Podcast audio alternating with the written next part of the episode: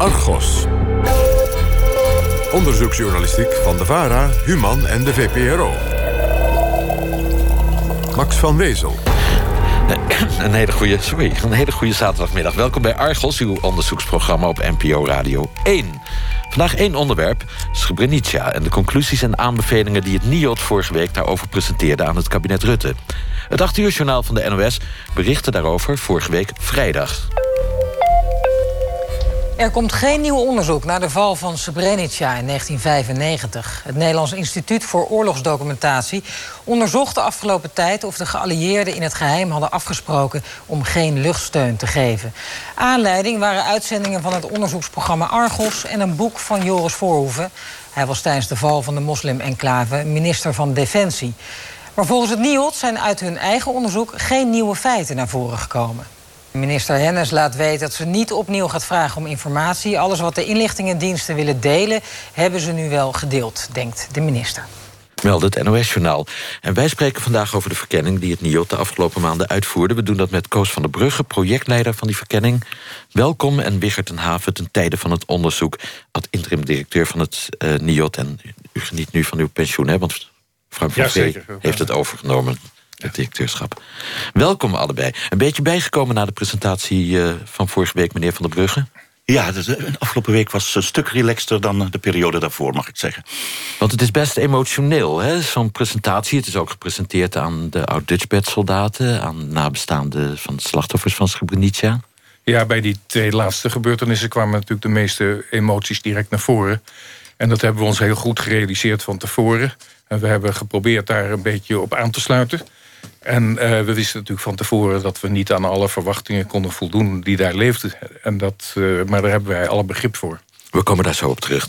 We zijn heel blij dat u er bent allebei, want in het verleden waren er spanningen tussen Argos en het NIOT en werden interviewverzoeken van Argos door de toenmalige NIOT-leiding nog wel eens afgewezen vanwege kritiek uh, bijvoorbeeld op het grote Srebrenica-onderzoek van het NIOT uit 2002. Toen ging het ook al over de vraag of de westerse inlichtingendiensten voorkennis hadden over de op handen zijnde Servische verovering van de enclave. En ja, dat is eigenlijk ook weer een van de onderwerpen in uw nieuwe NIOT-verkenning. Naast mij ook collega Huub Jaspers. Huub, jij maakte vorig jaar samen met Bart Nijpels de tv-documentaire Waarom Srebrenica moest vallen. Vorige week nog uh, bekroond met de prijs voor de onderzoeksjournalistiek, de Loop. Wat beweren jullie in die film over de kwestie? Dat met name de Amerikaanse inlichtingendiensten in de weken en maanden die voorafgingen aan de aanval op Srebrenica heel goed in de gaten hadden dat de Serviërs die enclave wilden veroveren en ook etnisch zuiveren. Hè? Niet de massamoord, dat is een andere kwestie. En daarnaast onthulden we ook dat de Amerikanen samen met de Britten en de Fransen in het geheim afspraken om het luchtwapen niet in te zetten tegen de Serviërs. Weken voor de aanval. Hoe wisten Bart Nijpels en jij dat zo zeker? Uit honderden Amerikaanse documenten die aanvankelijk geheim waren maar die inmiddels zijn vrijgegeven door de CIA, de Clinton Presidential Library of andere Amerikaanse overheidsorganisaties. Meneer Ten Haven, het NIOD heeft, ik zei het al in 2002... een gigantisch onderzoek gedaan naar Srebrenica. Daar kwam dit niet in voor. Uh, de, de, documenten waarover Huub Jaspers nu spreekt... waren die in de tijd niet bekend? Die waren toen nog niet bekend, nee. En dat is een van de verdiensten van Argos geweest... van Huub, om uh, die documenten onder de aandacht te brengen. En dat was ook een van de redenen voor het NIOD... om weer opnieuw een verkenning te doen? Ja, de directe reden is dat we het verzoek kregen van het kabinet om dat te doen. Maar we weten dat de belangstelling daarvoor, met name ook in de Tweede Kamer, opgewekt werd door onder andere deze suggesties die gedaan zijn door Argos, maar ook door uh, het boek van de voormalige minister van Defensie, Joris die erover gepubliceerd heeft. Het onhandige van het onderzoek is misschien een beetje dat het NIOD nu ook op zoek moest gaan naar of het grote onderzoek van 2002 van het NIOD lacunes bevat. Is dat niet een beetje de slager die zijn eigen vlees keurt? Het raar is dat ik dat helemaal niet onhandig vind. Het is volstrekt de normale gang van zaken bij wetenschappelijk onderzoek om uh, weer in een nieuwe fase, en zeker als er nieuwe bronnen te zijn, kritisch te kijken naar het onderzoek wat vroeger verricht is. En daar al dan niet kanttekeningen bij te plaatsen of wijzigingen te, te, bij, aan, bij toe te voegen. Dus uh, ik heb er geen probleem mee. Koos van der Brugge, ik heb het eh, met belangstelling gelezen, jullie nieuwe verkenning. Maar ja, als je het goed leest, staat er eigenlijk dat het allemaal onzin is... wat Huub Jaspers en Bart Nijpels op de tv hebben gezegd. Dat woord hebben we niet gebruikt en dat zal ik ook nu niet, uh, niet gebruiken. Uh, ik heb uh, Huub vorige week ook gefeliciteerd met de prijs die, die, ze gewonnen hebben. En dit is een heel verdienstelijke en meer dan verdienstelijke documentaire geweest. En met het boek van Voorhoeven, het is al gezegd, aanleiding voor ons onderzoek. Alleen hebben wij een aantal documenten nader geanalyseerd, ook nog andere documenten gezien en in de context geplaatst. En om het bijvoorbeeld de luchtsteun als, als voorbeeld te noemen. Het, het document waarin de, waarop uh, Argos uh, vorig jaar uh, beargumenteerde dat er geheime afspraken werden gemaakt, dat hebben wij toch, toch zijn wij tot de conclusie gekomen dat, dat, dat je daar niet van kunt spreken. Dat het al, allemaal samenhangt met de gijzelingscrisis die op dat moment. Want er waren westerse soldaten gegijzeld door de Servische Bosniërs op dat moment. Dat klopt, ja. En, en, en dat gaf bij, in eerste instantie bij de Verenigde Naties en zeker ook bij de troepenleverende staten, Frankrijk en, en Groot-Brittannië, aanleiding om opnieuw na te denken wat, wat verder te doen. Aanleiding was namelijk een, een airstrike. Uh, door de NAVO uitgevoerd op Pale. Ja. En dat is twee keer gebeurd. En toen namen de, de Serven dus uh, een aantal VN-militairen tot gijzeling. En dat heeft tot nader overleg geleid. In Zagreb, waar het UNPROFOR-hoofdkwartier zat, maar ook in New York. Ja. Uh, en op, op, op 26 mei was al duidelijk dat, dat de VN zei van voorlopig geen verdere luchtaanvallen meer. Nou, dat hebben we in, in het betreffende hoofdstuk in dat boek ook, uh, ja. ook nader Dus daar was geen geheime afspraak tussen Amerika, Frankrijk en Engeland voor nodig? Dat is een, een van onze vaststellingen. A, dat het niet nodig was, omdat het door de VN al, uh, toch al behoorlijk teruggebracht was... Het, de redenen om, om een airstrike uit te voeren. En daarnaast is het ook goed om te zeggen... dan moet ik even misschien een technisch onderscheid maken tussen airstrikes... wat min of meer strategische luchtaanvallen zijn. Je hebt ook nog close air support en je hebt ook nog air power. Ja, air power is misschien de algemene term, maar close air support... Uh, dat is inderdaad uh, de steun bij een aanval uh, op, op een enclave of op een andere reden. Steun, directe steun voor de troepen. En en dat was al helemaal niet, uh, daar werden helemaal al geen maatregelen. Nou zegt u, wij hebben documenten die ook door uh, de oud-minister Voorhoef in zijn boek zijn genoemd... en door Argos zijn genoemd, nader geanalyseerd. Maar hebben jullie wel alle documenten gekregen? Hebben jullie wel toegang gekregen tot alle archieven? We zeggen ook, ook in, in de inleiding en, en ook in de conclusies... dat wij uh, niet, uh, niet alles hebben gekregen. Deze documenten, en dat, ook uh, dit document waar Argos zijn verhaal op gebaseerd... is vrijgegeven in oktober 2013. Maar er zijn heel veel documenten niet vrijgegeven. Twee collega's zijn wel in de gelegenheid geweest... om de Clinton Library in Little Rock, Arkansas, te bezoeken. Hebben daar een aantal documenten ook nog kunnen inzien... die niet gedigitaliseerd zijn, maar wel als papieren document in te zien waren... Maar wij hebben ook moeten vaststellen dat er lacunes zijn. Eh, met name ook rond 11 juli 1995. Dus de, de dag van de val van, van Srebrenica. Dus wij hebben niet alles gezien. Dat, dat is uh, zonder meer feit. De rampweek, de week waarin Srebrenica in handen van de Servische Bosniërs viel... dat ontbreekt in het archief van de Clinton Library. Althans, een, een aantal, uh, een aantal documenten rond, uh, rond die tijd. er, zit, er zit gewoon een gat in welke conclusies je daaruit moet verbinden... dat dat, dat, inderdaad conclusies zijn die haak zijn op, op wat wij nu hebben... of die toch in dezelfde lijn liggen. Als ik terugkom op het verhaal van, van, van de luchtsteun... dan hebben we dat ook in een bredere context geplaatst. Om, uh, we hebben echt uitgezocht van hoe is het in eerder, eerder en elders in Bosnië gebeurd. En dan zie je eigenlijk hetzelfde trieste verhaal. Het patroon van de luchtmacht komt niet als je hem nodig hebt. Daar komt het inderdaad op neer. Wigert en Haven, ja, ik denk dan, als je niet alle archiefstukken krijgt... of er zit opeens een verdacht gat in dat archief... ja, dan probeer je de hoofdrolspelers te, te pakken te krijgen. Hebben jullie dat geprobeerd? Nou, we hebben geprobeerd contact te zoeken met die mensen... waarvan wij dachten dat we wat meer aan, aandacht zouden kunnen krijgen. En wie waren dat? En dat zijn in, in dit geval een aantal mensen uit de geheime diensten geweest. Dus de, de, uit, de, uit de CIA en uit uh, Nederlandse geheime diensten en, en in andere landen. Uh, we zijn wat minder op autoriteiten afgegaan, omdat we sterk het vermoeden hadden dat we daar eigenlijk uh, ja, globale antwoorden zouden krijgen die we al zouden kennen. En ik wil graag nog even benadrukken dat dit onderzoek een verkenning was. Het was niet een opdracht om een totaal onderzoek over alles wat maar op dit gebied te vinden is te houden. Maar het was een verkenning om te kijken of er sinds dat vorige NIAT-rapport in 2002 of er, naar aanleiding van nieuwe zaken die naar boven zijn gekomen... of daar nog gegevens zouden zijn te vinden... die aanleiding weer zouden zijn voor een echt degelijk langdurig. Maar hebben jullie bijvoorbeeld geprobeerd eh, Bill Clinton zelf te pakken te krijgen? Van Bill, we hebben in je bibliotheek rondgeneusd... maar er zit een gat in het archief. Bill had geen tijd. Via, via de ambassade zijn pogingen gedaan om, om, om Clinton te benaderen. Maar ook ja, gegeven natuurlijk de hele verkiezingscampagne van dat moment... hadden we al weinig illusie dat dat zou lukken. Maar het is wel geprobeerd. En de vicepresident, Al Gore, en uh, de minister van Buitenlandse Zaken, Madeleine Albright? Met, alle, ook deze beiden zijn, uh, zijn benaderd. Maar helaas heeft dat niet tot, uh, tot reacties geleid. Nee. En de Fransen en de Britten? Daar is het verhaal misschien zo mogelijk nog, nog minder. we hebben uiteraard, omdat hij toch een hoofdrolspeler is... generaal Janvier proberen te benaderen. Ook de medewerking gekregen van het ministerie van Defensie in, in Frankrijk. Allemaal via generaal Janvier was het hoofd van UNPROFOR destijds. Was hun hoofd van UNPROFOR destijds, inderdaad. Van de Vredesmacht. Uh, van, van de Vredesmacht, ja, de, de militair uh, opperbevelhebber. Maar ook dat ja, is, is niet gelukt. Zoals dat ook niet bij onze collega's uh, van het eerste onderzoek gelukt is, helaas. Is dat teleurstellend dat dat soort mensen gewoon de deur dicht houden? Het is teleurstellend, maar het was ook weer niet onverwacht. ik denk dat dat heel tekenend is van wat, wat we aan medewerking mochten verwachten, of beter gezegd niet mochten verwachten. De reacties die minister Hennis heeft gehad. Zij heeft toen eh, vorig jaar zomer de discussies opkwamen aan haar collega's van het Verenigd Koninkrijk, de Verenigde Staten en Frankrijk. Een, verzoek uh, doen uitgaan om medewerking en om documenten te krijgen.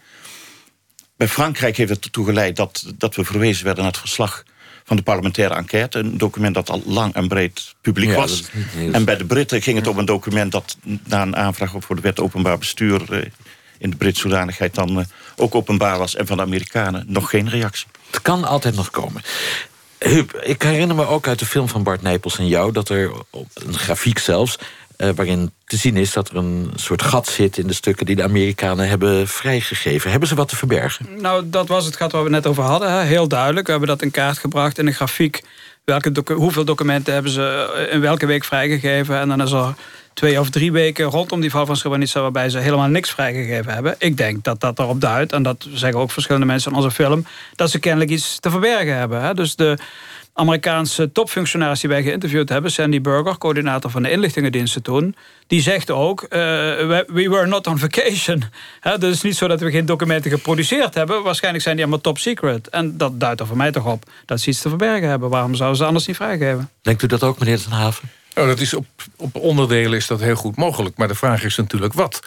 En om nog even terug te komen op het verhaal eh, van, van de luchtsteun. Ja. wij hebben niet alleen gezegd dat dat document op een andere manier ge, ge, geïnterpreteerd moet worden. Eh, want dat er geen uh, afspraak nodig was en dat die zeker niet door de Amerikanen is gemaakt. Maar we hebben ook aannemelijk proberen te maken waarom. En dat betekent dat we ook niet verwachten dat op dat gebied er nog documenten zouden zijn die dat anders later zouden interpreteren. Dus uh, het is niet altijd zo als je die documenten niet hebt... dat dat een bewijs zou zijn voordat er een heel geheimzinnige samenzwering op dat terrein bestaat. Zeker niet, hè? Dat zouden wij ook niet beweren. Nou, nee. Ga toch nog even in op... Uh, jullie, jullie, zeggen in de film van... Uh, er is een belangrijke bijeenkomst, we komen er straks nog op terug hoor... maar uh, er is een belangrijke bijeenkomst in Washington geweest... waar besloten zou zijn geen luchtsteun in te zetten. En ja, ja, de rest van het verhaal is dus... Nederland was daar niet van op de hoogte en hoopte ja. wel op die luchtsteun. Ehm, het NIOT-rapport, NIOT-verkenning moet je zeggen...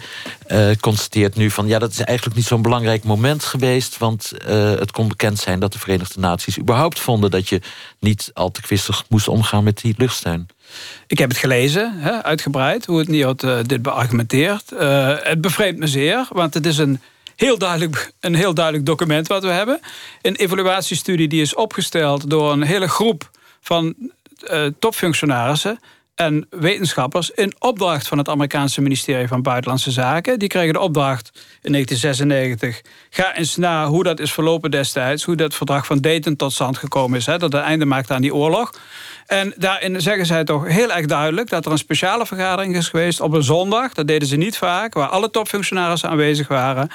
Waar waarin er het besluit genomen is om in het geheim... voor de voorzienbare toekomst het luchtwapen niet meer in te zetten. De inzet van het luchtwapen tegen de Serviërs uit te sluiten. Dat is een hartstikke duidelijke formulering. En een hartstikke uh, duidelijk document ook van de Amerikaanse overheid zelf. Ook goedgekeurd door het Amerikaanse ministerie van Buitenlandse Zaken. En ik volg wel de redenering hè, dat natuurlijk het probleem wat hier aan de grondslag lag... was de, de crisis met de gijzelaars. Dat zeggen wij in onze film ook. Ehm, en ik volg ook wel dat er uh, bij de VN grote terughoudendheid was. Alleen is toch op deze zondag iets bijzonders gebeurd. En ik moet zeggen dat de redenering in het rapport... Um, dat dit al besloten zou zijn twee dagen eerder bij de VN... dat me verbaast dat er geen enkel document aangehaald wordt... waarin dat staat. Er staat, het is zeer waarschijnlijk zo. Het is uiterst waarschijnlijk zo. Het is met de grootste waarschijnlijkheid zo. Maar verder gaat het niet niet. En dat vind ik wel raar om zo'n redenering... tegenover een document wat wij hebben zwart op wit te zetten... om dan dat document van tafel even te Even een korte reactie van Koos van der Brugge. Ja, je verwijst naar het rapport van, van, van Charlotte. Hij zelf heeft later dat ook anders geformuleerd. Ons, ons punt is uh, dat de Amerikanen in die bijeenkomst... en ik ontken het belang van, van, die, van die bijeenkomst ook niet... Uh, in allereerste plaats was die bijeenkomst georganiseerd om te kijken... van wat gaan, moet de VS eventueel gaan doen als de UNPROFOR-troepen zich terugtrekken. Dat staat ook in de aanhef van, van, het, van het document. Dus, dus wat dat betreft uh, is, is dat centraal. En het, het volgde op, op discussies die in, in de VN uh, zijn geweest. En wij verwijzen inderdaad, dat is gereconstrueerd... Uh, hoe dat, dat gegaan is. En met, met, met inderdaad termen van hoogstwaarschijnlijk... maar toch ook, ook verwijzend ook naar bijvoorbeeld een bericht... dat de, de, toenmalige ambassadeur Biegman vanuit New York naar Nederland heeft gestuurd... waarin dat toch bevestigd werd dat daarover gesproken werd. En wel dat er over gesproken werd. Maar er wordt nergens in een document gezegd dat het besluit gevallen is. En ook niet wie dat gedaan heeft en wanneer dat gebeurd is. Nee. Maar hier, in dit document staat wie accept. De, de, de, dus we, we, we, aanvaarden wat, wat in feite de Frans, de Fransen en, en, en, de Britten. Dat klopt niet. er is een tweede document dat jullie aanhalen. Dat is een memo van Anthony Lake, hè, de hm. toenmalige nationale veiligheidsadviseur. Een van de belangrijkste functionarissen. Die heeft een dag nadat die vergadering was... een memo gestuurd aan de president, Bill Clinton... En die heeft een zachtere formulering gekozen. Daar hebben jullie gelijk in. Alleen, uh, wij baseren ons op een formulering die veel harder is. En ik denk dat die Anthony Lake hele goede redenen gehad kan hebben... omdat een dag na die bijeenkomst veel wolliger te formuleren... dan feitelijk het geval was aan de president toe. Want er waren namelijk in de Amerikaanse regering en in het apparaat... heel veel mensen die ongelooflijk uh, problemen hadden met dit besluit. Ik geloof Oh, dat wat wij doen hier, dat is om dit uh, document te interpreteren in de context. En daar hoort dan ook dat memo van Leek bij. Die, dat zegt iets over, over dit document. Maar bovendien is het zo, het is de, de, de Amerikaanse politiek eigenlijk vreemd op dat moment om zo'n standpunt in te nemen. Altijd hebben de Amerikanen juist erop aangedrongen om hardere uh, acties te nemen. En schaarden ze zich achter diegenen die juist wel airstrikes wilden uitvoeren. Dus uh, als je het vanuit die politiek uh, bekijkt... en vanuit de druk die ook vanuit de VN in Joegoslavië werd opgevoerd... dan is de, uh, eigenlijk de, de interpretatie onontkoombaar... dat zij hier met enige tegenzin akkoord gaan... met de druk van de bondgenoten die werd uitgevoerd. Nog één keer Huub Jaspers. Eén dag voor die bijeenkomst in Washington... heeft Bill Clinton persoonlijk overleg gehad met Chirac en met Major... de regeringsleiders van Engeland en Frankrijk. Precies. Ook in het geheim, daar zat Nederland ook niet bij. Natuurlijk is de context de discussie die ook in de VN gevoerd wordt... maar wie heeft het nou in de VN voor het zeggen? Dat is toch niet Nederland? Dat is toch niet eh, de secretaris-generaal? Uiteindelijk zijn het de belangrijkste mogendheden in de VN-veiligheidsraad de Amerikanen, de Britten, de Fransen, de Russen en de Chinezen... maar die hadden niks met Bosnië te maken. Dat zijn degenen die de lakens uitdeelden. En die hebben in het geheim, in de context van deze discussie die speelde... dit besluit genomen. Het is dan wel heel tekenend dat... Uh, Boutros Ghali juist enkele dagen tevoren... naar de Veiligheidsraad was gestapt... naar aanleiding van de gijzelingscrisis. En dat de belangrijkste veiligheidsraadleden toen hebben gezegd... meneer Boutros Ghali, uh, ondiplomatiek gezegd... zoek u het zelf even uit, want daar hebben we eenmaal over airstrikes... en zo zijn besluiten genomen. U hoeft niet voor elke stap naar de Veiligheidsraad. Dat was wat ze on the record zeiden, waar anderen mee luisterden. Maar wij hebben het erover wat ze in het geheim met elkaar afgesproken hebben... in Washington en de drie grote mogendheden onder elkaar. Wie besloot het luchtwapen niet in te zetten? Boutros Ghali, generaal Janvier, Bill Clinton, John Major, Jacques Chirac. We zullen het nooit helemaal zeker weten, we komen er straks op terug. Maar ik zei het al, vorige week vrijdag organiseerde het kabinet... naast de persconferentie in Den Haag ook een bijeenkomst... voor nabestaanden en overlevenden uit Srebrenica... en eentje voor ex-Dutchbed-soldaten. Uh, dat waren dus de militairen die dan klaar voor Srebrenica moesten beschermen. Jolien Kramer sprak met mensen die bij de bijeenkomst waren of graag hadden willen zijn. U hoort allereerst Amir Jatic van het platform BIH, de vertegenwoordiger van de Bosnische gemeenschap in Nederland. Het was een emotionele bijeenkomst, zegt ook hij dat had ook enigszins te maken met, uh, uh, met het feit dat wij niet zo vaak dit soort uh, kansen krijgen om dit thema van Srebrenica en val van Srebrenica überhaupt met vertegenwoordiging van de Nederlandse regering te bespreken. En ten tweede was het ook sowieso is een emotionele onderwerp. En als derde, omdat er tijd kort is, lopen dan emoties wat sneller op. Omdat mensen snel vragen willen stellen of sneller toch even uh, iets tussendoor willen opmerken. En daardoor werd dat nog emotioneler, zeg maar. Alleen uh, ten einde werd er nogal uh, zeg maar snel afgedaan dat er te weinig tijd was om allerlei vragen te kunnen stellen en, uh, en daarop antwoorden te kunnen geven. Waardoor mensen ja, toch zich opgejaagd voelden en daardoor ook met een onbevredigd gevoel eigenlijk enigszins het bijeenkomst verlieten. Want ze wilden nog veel meer tijd krijgen om vragen te kunnen stellen. We spraken ook met Alma Mustafic. Ze is midden dertig. Ze is de dochter van Rizo Mustafic. En dat was de elektricien van Dutchbed op de compound in Potocari. Dutchbed was verantwoordelijk voor zijn veiligheid. Maar ondanks dat is hij op het laatste moment weggestuurd van de enclave. Hij is meegenomen door de Serviërs en een van de ongeveer 8000 mannen die in het Srebrenica-drama zijn omgekomen. Alma Mustafic over die noodlottige dag. Die dag uh, herinner ik me in principe uh, alles. Uh, vanaf uh, begin tot. ja, het is niet één dag, het, is, het heeft meerdere dagen geduurd. Ehm, dus de, de, de, de vlucht uit ons huis, hoe snel en spontaan dat is gebeurd. Dan opvang op de basis en hoe veilig wij ons daar voelden. En uh, uiteindelijk ja, uh, gedwongen vertrek van die basis. En hoe onveilig wij ons toen voelden. Uh, toen we overgedragen werden aan, aan de Servische troepen. En natuurlijk ja, afscheid van, van mijn vader. Dat is iets wat ja, nooit weg zal gaan. Hoe dat gegaan is. En ik denk daar... Ja, elke keer als er opeens zijn nieuws komt of wat dan ook, dan is dat wel het eerste waar je aan uh, terugdenkt. Het wegsturen van Rezo Mustafic staat uitgebreid beschreven in het eerste NIOD-rapport uit 2002. Maar zijn dochter Alma is toen, bij de presentatie van dat rapport, niet uitgenodigd. En ook vorige week vrijdag, bij de presentatie van het nieuwe NIOD-onderzoek, is Alma Mustafic vergeten. Ze hoorde er die vrijdagochtend over op het nieuws.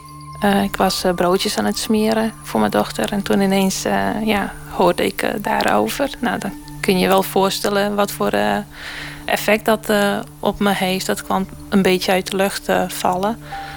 helemaal onvoorbereid. En ja, met stomheid geslagen dat, dat ik zoiets via nieuws moet vernemen. Ja, ik, ik, heb, ik heb er eigenlijk geen woorden voor. Het is onbegrijpelijk. Het is uh, heel erg teleurstellend dat ik het uh, op die manier uh, kennis heb moeten nemen. Ik vergelijk het een beetje met uh, als uh, Dutchbed-soldaten uitgenodigd worden... dan vergeet je zeker niet om Karamans en Franke uit te nodigen. Want zo zie ik ons geval. Hè. Wij zijn voor al die ja, vrouwen van Srebrenica en alle nabestaanden... altijd uitgebreid ook in nieuws geweest. Ook met rechtszaken. Daar kun je gewoon niet om ons geval heen. Ik denk dat daar onvoldoende rekening mee wordt gehouden. En dan heb ik het niet alleen over de nabestaanden. Ik geloof ook heel erg uh, dat uh, ja, andere mensen die daarbij betrokken uh, waren, zoals Dutch Betters, dat ook wel zo ervaren.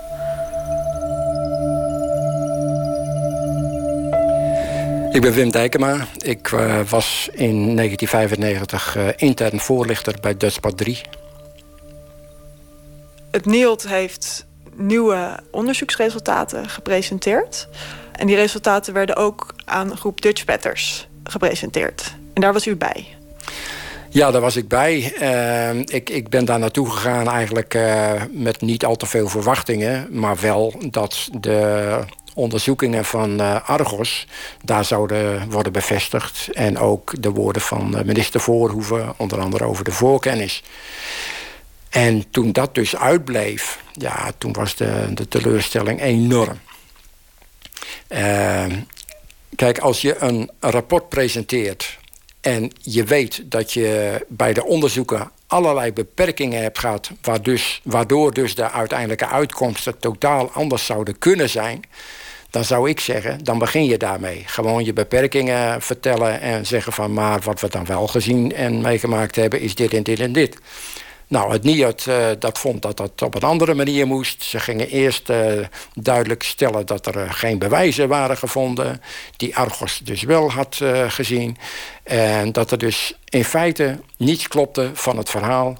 wat Argos en Voorhoeven hadden verteld. En toen later kwam met, uh, men met de beperkingen van... ja, alle archieven die waren niet toegankelijk of slechts deels toegankelijk. Er waren sommige mensen die mochten ze niet interviewen. Andere mensen die uh, het achterste van hun tong niet zien. En sommige informatie was dan weer in strijd met andere bronnen. Kortom, vroeg ik me af... waarom hebben jullie überhaupt dit onderzoek gepresenteerd? Want hier blijkt helemaal niks uit. En dat kon je dus ook merken aan de collega's. Die waren zo gefrustreerd dat uh, hiermee met dit onderzoek eigenlijk alles, uh, alle bewijzen weer van tafel geveegd werden. Want die hebben we toch uh, gezien als een stuk erkenning van zie je wel hoe we belazerd zijn destijds. En dat wordt nu met dit rapport door het NIOD eigenlijk weer volledig om zeep geholpen. En dat, ja, je kon in de zaal dus duidelijk die machteloosheid, die frustratie en de woede, nou die kon je proeven. Die onmacht die we daar destijds al zo vaak meegemaakt hebben. Je wilde graag overal wat aan doen en je kon niks doen. Die heb ik later hier in Nederland ook weer gevoeld. En ik kan je verzekeren, dat is een rotgevoel.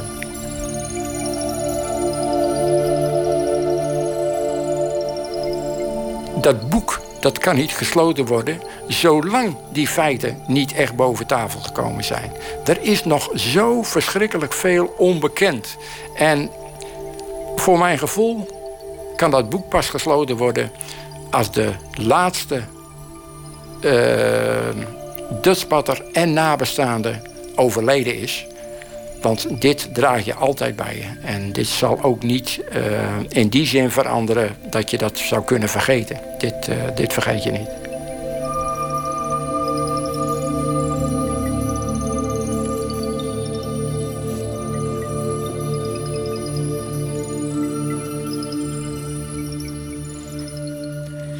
Machteloosheid, frustratie en woede bij de Dutchbed-veteranen... en bij de nabestaanden van de slachtoffers van de genocide in Srebrenica in 1995. Ik praat erover met Koos van der Brugge en Wigert van het Nederlands Instituut voor Oorlogsdocumentatie... en met Huub Jaspers van Argos samen met Bart Nijpels... Eh, de maker van de tv-documentaire, de bekroonde tv-documentaire... waarom Srebrenica moest vallen... U kunt het gesprek ook volgen via de webcam. Dat is nporadio1.nl. Dan kunt u ze zien. Um, meneer Ten Haven, u was bij die bijeenkomst van de Dutch Batters. U moest de verkenning daar toelichten. Was het inderdaad zo, zo aangrijpend als we net hoorden? Ja, helemaal zo. En ik uh, ben het ook helemaal eens met de laatste woorden van de spreker dat het natuurlijk frustrerend is als je je, je eigen onvrede over wat er gebeurd is hè, niet beantwoord wordt op een manier zoals je dat zelf gedacht had. En uh, ja, ik had in dat opzicht ondankbare taak om uh, dat wat voor ons een verkenning is, hè, met een hele duidelijke omschreven opdracht, om toch uh, uit te leggen wat daar de, de, de, de, gevolgtrekkingen zijn geweest. En ik heb natuurlijk dat zo goed mogelijk proberen uit te leggen en zo goed mogelijk ook geluisterd naar de uh, de opvattingen en de, en de inlichtingen die vanuit de zaal ook nog gegeven werden over eigen ervaringen. Want de veteranen hadden kennelijk graag gehoord: ja, wij zijn verraden door Bill Clinton en Jacques Chirac en John Major. En uh, had het niet op dat maar bevestigd. Er waren, er waren velen in ieder geval in de zaal die dat uh, vonden en die dus ook met zoveel woorden zeiden dat ze ontevreden waren met dit onderzoek, omdat het uh, deze uh, opvattingen over samenzweringen niet uh, als resultaat heeft geaccepteerd. Koos van Brugge, u had ook een fijne uitdagende klus. Wat moest u doen die dag? Ik mocht de, dezelfde presentatie van onze verkenning verzorgen bij uh, overlevenden en nabestaanden. Um, dat, dat zaten zo'n 40 mensen, denk ik, uit, uit Bosnië. Soms ook, ook een jongere generatie. Helaas hoor ik nu dat, dat toch een aantal mensen die daar hadden moeten zijn... niet zijn uitgenodigd. Uh, het... Ja, waaronder de dochter van die veelbesproken elektricien. Ja. Dat is wel heel raar dat, ze dat over het hoofd hebben gezien. Ja, goed, uh, ik, ik kan dat niet worden. Deze organisatie laat bij de ministeries... maar ik wil ook hen niet uh, met de beschuldigende vinger daarover uh, aanspreken. Het, het is zo gelopen en het, het is heel, heel betreurenswaardig. Het is heel betreurenswaardig. Nou, zij heeft een proces gevoerd tegen de Nederlandse staat. Dat, als, als er iemand van de nabestaanden bekend moet zijn bij de Nederlandse staat... is zij het wel. Dat is wel buitengewoon pijnlijk. Ik, ik kan dat alleen maar onderschrijven. En ja, verder was mijn boodschap ook, ook lastig. Want ik had inderdaad de resultaten van de verkenning... die over twee vragen gingen die zogezegd aan de voorkant van de val van Srebrenica lagen. Luchtsteun en, vo en voorkennis. Uh, terwijl hun belangrijkste vragen nog altijd liggen en, en hun emoties... bij wat er daarna gebeurt is de genocide. Dus in de presentatie... had u ook het gevoel, want dat gevoel krijg ik... van dat ook het NIOT met die nieuwe verkenning weer, weer het verwijt krijgt... van uh, het is weer een doofpot. Uh, dat, dat, dat soort geluiden zijn er... Nou, ja goed, daar kan ik alleen maar over zeggen. Het, het, vorige onderzoek was geen doofpotonderzoek... En, en dat van ons ook niet. Dat we niet alles gezien hebben, niet alles boven tafel hebben gekregen... wil niet zeggen dat wij op, opzettelijk welke conclusie dan ook uh, uit de weg zijn gegaan.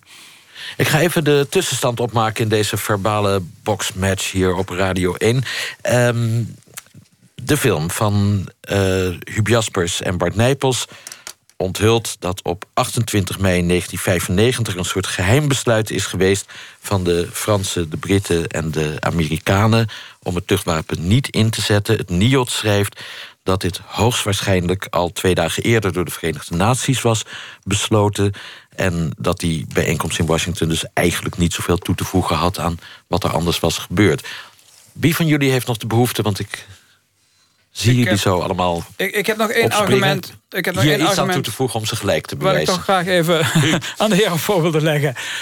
In het verslag dat wij aanhalen, een, een, een, een document van het eh, Amerikaanse ministerie van Buitenlandse Zaken, staat er een hele uitgebreide voetnoot waarin staat dat één functionaris, een belangrijke functionaris, namelijk Richard Holbrooke, topdiplomaat van de Amerikanen in die tijd, zich hevig verzet tegen dat besluit. Ze bellen met die man terwijl hij in Budapest is om te trouwen op die dag. En waarom zou hij zich nou hevig verzetten tegen iets op uitgerekend die dag, zijn trouwdag, over iets wat al lang eerder besloten is?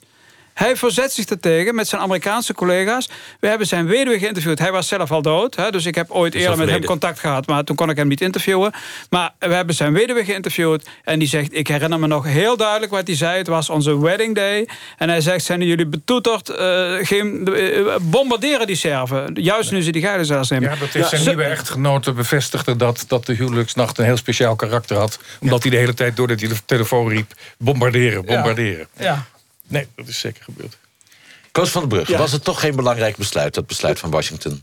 Het was, het was een, een besluit dat, dat, dat ze inderdaad genomen hebben. Maar in, in een lijn, dat, dat, is, dat is onze bewering... in de lijn met alles wat in die gijzelingscrisis gebeurde... waar dus die VN-overwegingen al aan vooraf gingen... waar ook Madeleine Albright, ook toch iemand van de hardline... op, op 27 mei al had gezegd dat ze, dat ze daarmee akkoord ging. Dus dat is ook al voor die, voor die 28 mei. En waar uiteindelijk dan... Uh, ook, ook de principles uh, mee akkoord zijn gegaan. En, en Charlotte heeft in een latere publicatie nogmaals gezegd... ze hebben het geaccepteerd met tegenzin. En dat illustreert ook dat, dat iemand als Holbroek dat waarschijnlijk niet heeft gewild... en daarom zo boos was. Het hopelijk echt laatste woord over deze kwestie. Ik wil er graag wel één ding aan toevoegen. Er dreigt een beetje onder te sneeuwen... dat onze interpretatie gevoed is door een analyse... van het hele patroon van het leveren van luchtsteun. En wij laten nu juist zien, en dat maakt onze interpretatie... geloof ik heel overtuigend dat al lang er een grote terughoudendheid bij de Verenigde Naties was. Zelfs al voor de gijzelingenkwestie. kwestie. Dat die daarna eh, voortgezet is, dat die, dat die verscherpt is. En dat er dus niet een, een, werkelijk een kantelpunt nodig was... om tot een nieuw beleid te komen. En uh, dat het besluit heeft dus in fase heeft dat vorm gekregen... in de verschillende politieke en militaire kringen van de Verenigde Naties. En werd dus nu achteraf in de Verenigde Staten bevestigd.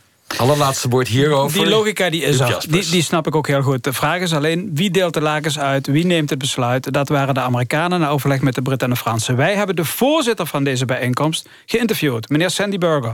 De coördinator van de inlichtingendiensten. Wij hebben hem zijn besluit, dit besluit van tevoren opgestuurd. We hebben hem gevraagd... eh, geeft u commentaar op dit besluit? Hij ontkent niet dat het besluit genomen is. Hij zegt, it was not a productive thing to, to do. Achteraf, met de kennis van achteraf. Ehm, Jullie hebben volgens mij niemand van de aanwezigen gesproken. We hebben de voorzitter van de vergadering gesproken. En we hebben een document zwart op wit. En jullie vegen dat van tafel met een rede- redenering van logica. Ja, sorry. Welk Dat- besluit is er genomen, is de vraag. Welk besluit is er genomen? Om de- besluit om het luchtwapen lijn- niet meer in te zetten. de En dat is- van de autoriteiten van de Verenigde Naties in Joegoslavië te volgen. Tegen de eigen zin in. Ik heb een interessante theorie hierover, maar gewoon een theorie. Dat is dat de Engelsen en de Fransen van die luchtsteun af wilden... en dat de Amerikanen op 28 mei voor hun hebben gecapituleerd. En dat was natuurlijk wel van veel betekenis. Dat, is, dat onderschrijft in feite onze belangrijkste redenering, denk ik.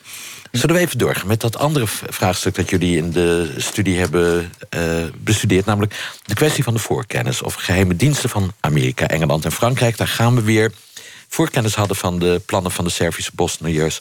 om Srebrenica onder de voet te lopen. In de film, waarom Srebrenica moest vallen...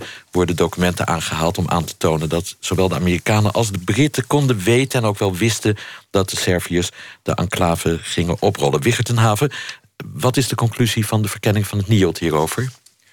We hebben de belangrijkste documenten onderzocht. Eh, onder andere ook weer was er sprake van een belangrijk Amerikaans eh, eh, eh, adviesorgaan... voortkomende uit de verschillende inlichtingendiensten... de zogenaamde Balkan Task Force... En die heeft op 1 juni 1995 een rapport gepubliceerd... wat zowel bij, bij in de documentaire als in het boek van... de voormalig minister Voorhoef een grote rol speelt.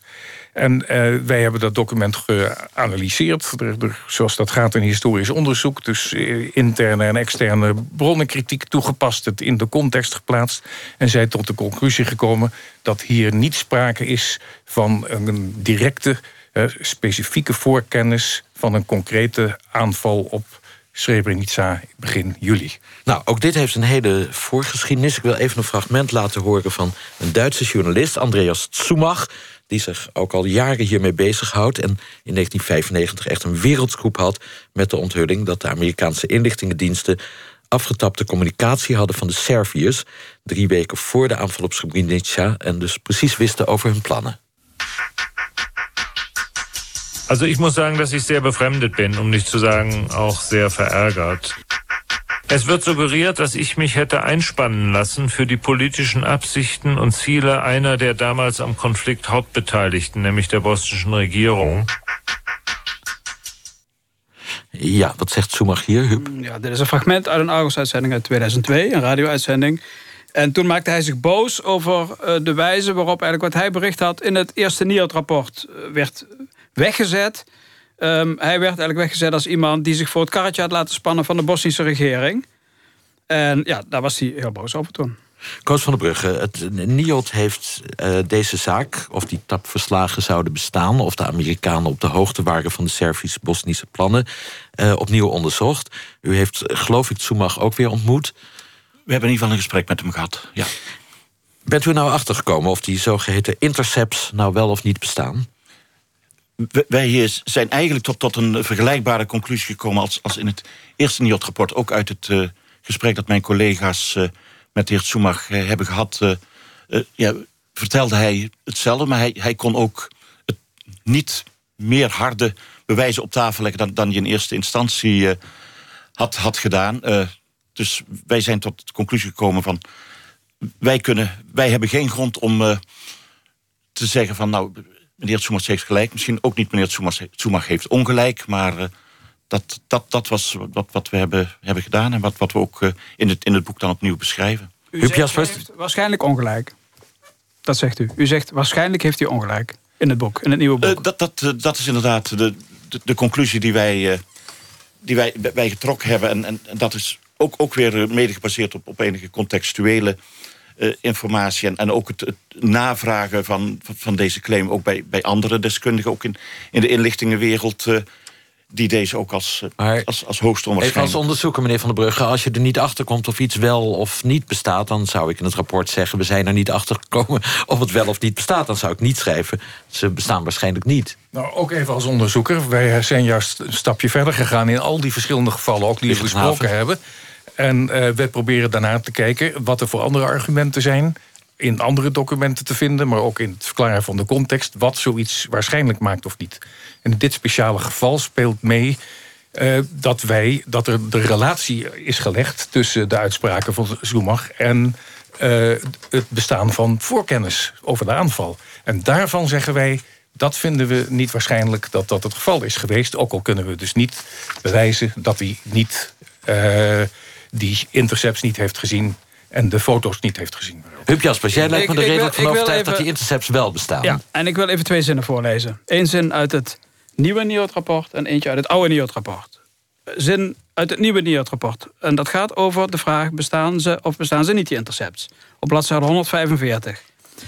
Ik citeer. Tot op heden is er niemand geweest die het bestaan van, deze, van de intercepts heeft bevestigd. Dat is het nieuwe rapport. Dan lees ik een zin voor uit het oude rapport uit 2002, bladzijde 267. Het bestaan van deze intercepts werd bevestigd door een westerse diplomaat. En dan volgt er een hele passage met een uitleg... waar die, wie, de, de naam wordt niet genoemd...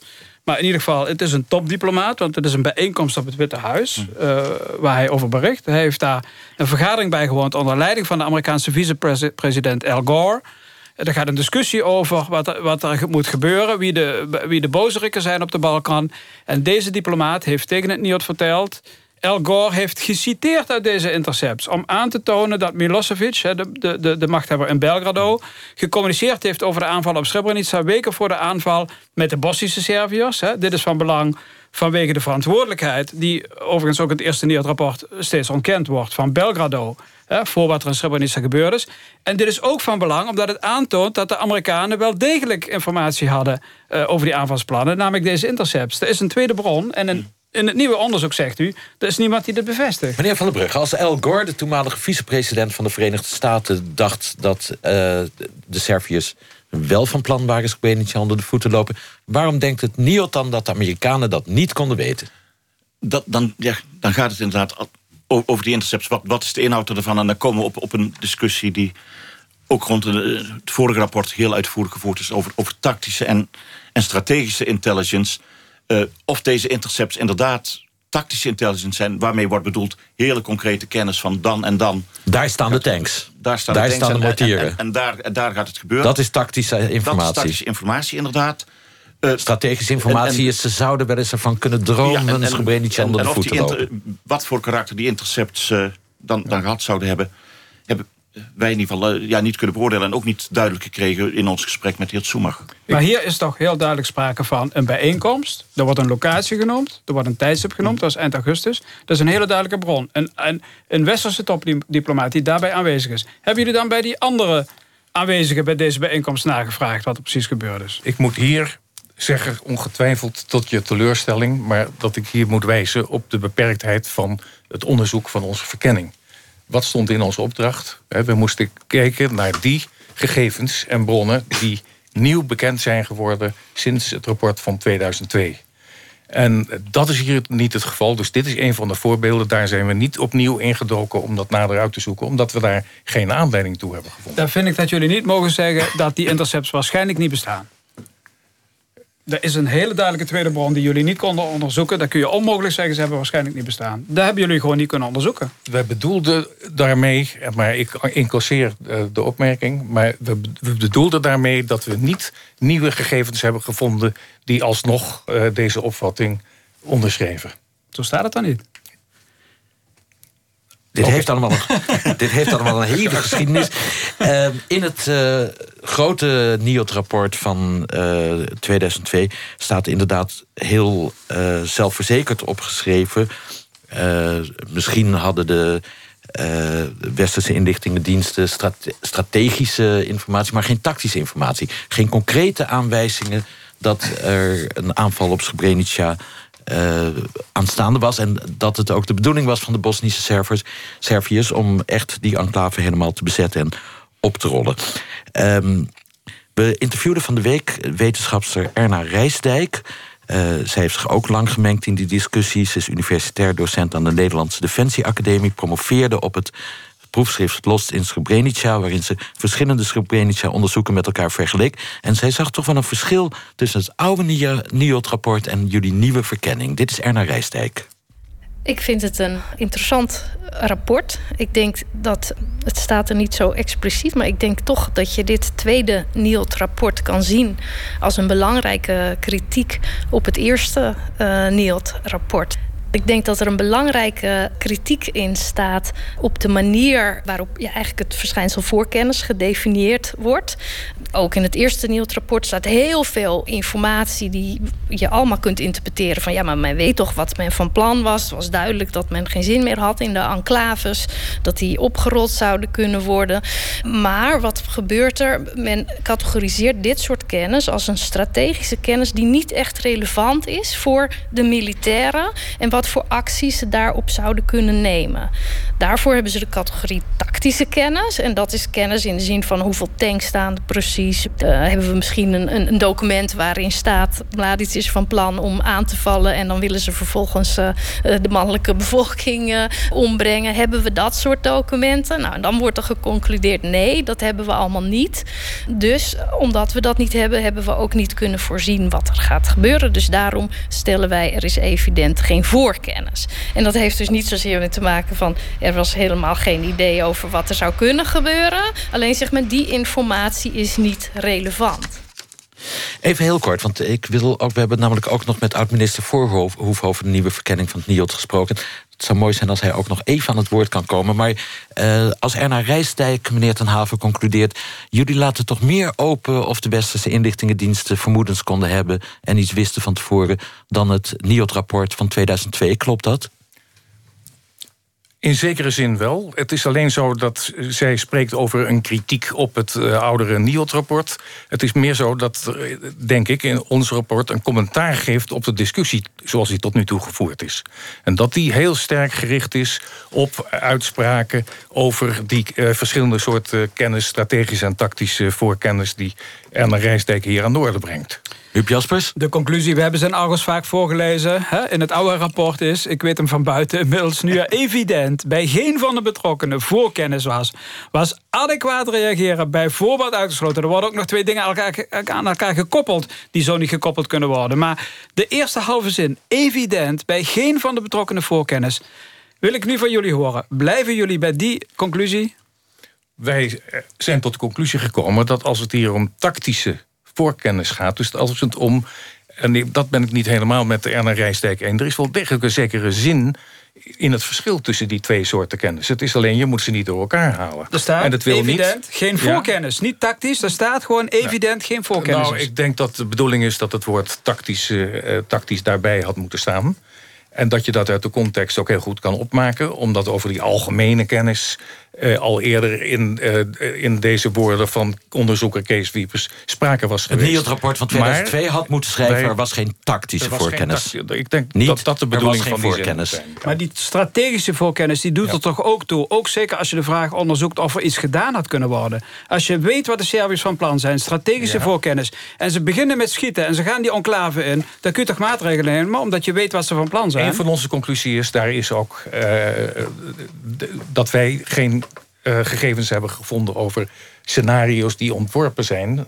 Uh, naar aanleiding van de gegevens uit die strategische kennis. En dat is een onderwerp uh, dat discussie waard is. Zullen we tot slot van de uitzending nog even gaan luisteren... naar het commentaar van oud-minister Joris Voorhoef. Hij was minister van Defensie ten tijde van de val van Srebrenica... in juli 1995. Hij heeft op ons verzoek het uh, NIOT-verkenningen ook gelezen. Nou, had hij anders zonder twijfel ook gedaan. En hij zei dit. Ik vind het een mooi stuk werk... Het voegt uh, interessant feitenmateriaal toe aan een aantal kwesties waar nog vragen over bestonden. Maar er blijven nog heel wat vragen over. En dat komt vooral omdat uh, veel belangrijke spelers en veiligheidsdiensten geen medewerking aan het uh, onderzoek hebben willen geven. Ik ben er blij mee omdat het nieuw materiaal toevoegt. Tegelijkertijd vind ik dat er een verschil is, een toonverschil tussen ehm, de analyse in het rapport, die vaak heel genuanceerd is, en dan de conclusies. En ik zie dat men dan springt van enerzijds de conclusie... we kunnen bepaalde dingen niet bewezen krijgen... want er zijn geen bronnen en geen documenten. En het kan zus zijn gegaan en het kan zo zijn gegaan. En er zijn voor- en tegenstanders van bepaalde interpretaties. Maar dan zegt men aan het eind van het rapport... het is onwaarschijnlijk dat. Nou, als je iets niet kunt vinden... kun je niet zeggen dat het onwaarschijnlijk is dat het er is. Je weet het niet. Wat je niet kunt vinden, weet je niet. Dus dan moet je voorzichtig zijn met een conclusie die suggereert dat het niet bestaat.